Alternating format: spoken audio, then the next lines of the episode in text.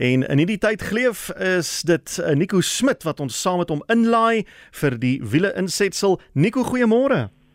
Goeiemôre Willem, hoe gaan met jou? Baie lekker en daar. Baie goed, dankie. So, weer naweek, dis altyd 'n lekker tyd. Weer tyd vir 'n braaitjie dink ek.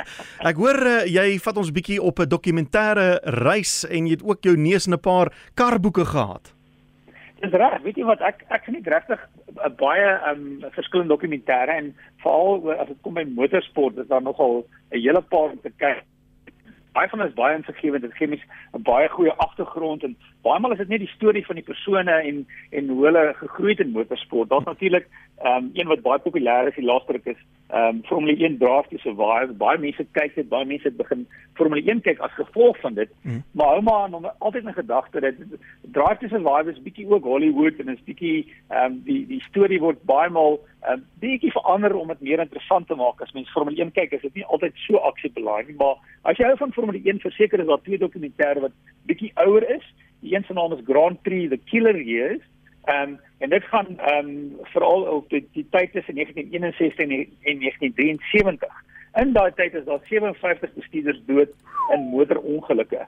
Ja, dit is is nogal skrikwekkend en hmm. baie hartseer. So, dit vertel die storie van die die mense agter dit en die die bestuurders wat op 'n naweek vriende verloor het en hoe traumaties dit eintlik vir hulle was. Ehm um, en dan is daar ook 'n uh, 'n uh, uh, ander dokumentêr oor dieselfde tyd, dis net die nommer 1 en dit gaan oor die 60, 70 en 80s van van Formule 1 en weer eens oor die persone agter dit. Ehm um, as jy hou van Le Mans is iets om te oorweeg, mm. Cruise in 24, dit gaan oor Audi se se ehm um, se seëges van 2000 2000 tot 2012 in Le Mans. Dis beskikbaar op YouTube.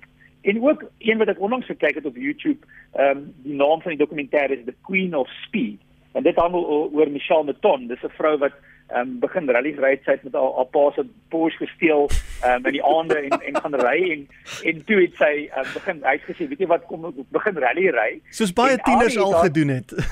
Dis verseker, verseker. Maar nou is dit 'n jong meisie wat hierdie kar weet ehm um, weet met haar pa se kar ry en hy het op die ou net hy word ingestem as gesê weet jy wat is reg? Kom begin met motorsport en sy het toe baie goed gedoen. En aanvanklik het Audi al gebruik toe hulle in 1980 die die quattro modelle bekendstel het hulle al gebruik maar hulle het gedink weet jy wat ons het 'n vrou en dit is net 'n bemarkingsoefening ah. en toe begin sy wen. En um, sy het regtig sy het baie goed gedoen. So dis die hele storie van van Michelle Meton. Dit is iets wat ek baie geniet het, iets verseker is wat die moeite werd is.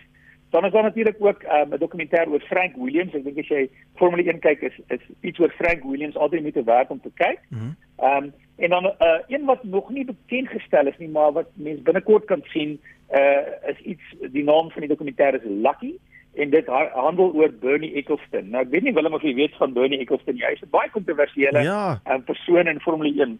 Ehm um, jy weet daar daar's daar baie mense in in wat nie van hom hou nie. Ek ken jy dit sê daar's 'n lang lys. Hy gee nie om nie. Hy's hy's so ryk, dit maak nie saak of iemand van hom hou of nie. Jy's jy's op reg. Dis nou ou wat nou regtig nie omgee nie. Jy nou ou te ou wil sien wat nie omgee oor ander ouens en wat hulle dink nie. Is dit Bernie Ecclestone? Ehm um, maar Bernie uh, is 'n uh, omdat hy is wel kontroversieel, maar hy het Formule 1 verander en hoe mense na Formule 1 kyk, want hy het baie gou gesien dat TV-regte die ding is wat wat jy eintlik moet hê en ah. hy die ah. TV-regte besit. En omdat hy die TV-regte besit het, het hy het, was hy uiteindelik die koning van Formule 1 en hy het besluit hoe werk Formule 1. Of dit nou goed of sleg was, Formule 1 eh, 'n uh, groot gedeelte is um, die Bernie Ecclestone is. En dit dit bring my na die boeke. Ek het nie drie boeke, maar een van hulle handel ook oor Bernie Ecclestone. Ek het dit baie geniet om te lees. Die boek se naam is No Angel: The Secret Life of Bernie Ecclestone. Ehm um, ek weet nie of jy na die boek regtig van hom gaan hou nie, maar jy gaan verseker waardeer wat hy gedoen het. As jy hou van motorfietsse, dan is daar 'n boek wat baie goed is, baie moeilik om in die hande te kry.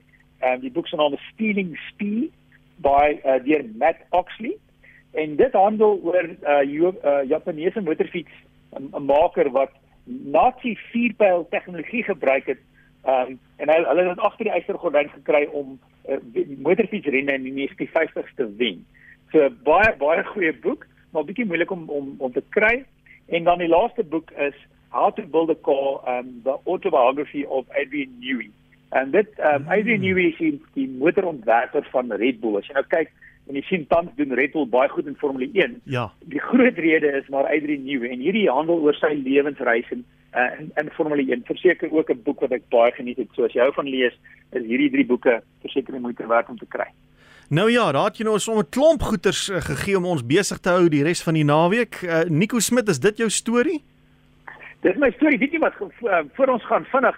Ek het um, die lang naweek ry huis toe en hier sien ek 'n uh, bakkie langs die pad staan uh, met 'n weet op 'n domkrag en die man en vrou is besig om te sukkel en ek stop en ek sê hoe kan ek help? Toe gebeur dit is hulle het 'n popwiel, hulle het 'n sleutel vir die slot vir die bakkie, maar omdat hy so lank op die grond paai en die pad kan hulle nie die, die sleutel nog nie pas nie. So gelukkig kon ons op die ou net iets kry om daar in te spuit. Hulle het iets gesoek so Q20. Ja. So hou maar gedagte Ehm um, weet al het jy die sleutel vir die slot is dit nie iets uh, dit is 'n goeie idee om so iets in die bakkie te hou want as jy dit nie kan loskry nie gaan jy nog steeds sukkel al al het jy al die al die al die nodige toerusting. Absoluut. Die rede hoekom hoekom ek daardie smeermiddel in my voertuig hou, ek kan nie 'n uh, gesqueak hanteer nie. Dit moet onmiddellik gespuit word. Ek voel soos jy. As jy dit gehad het, is dit presies dit.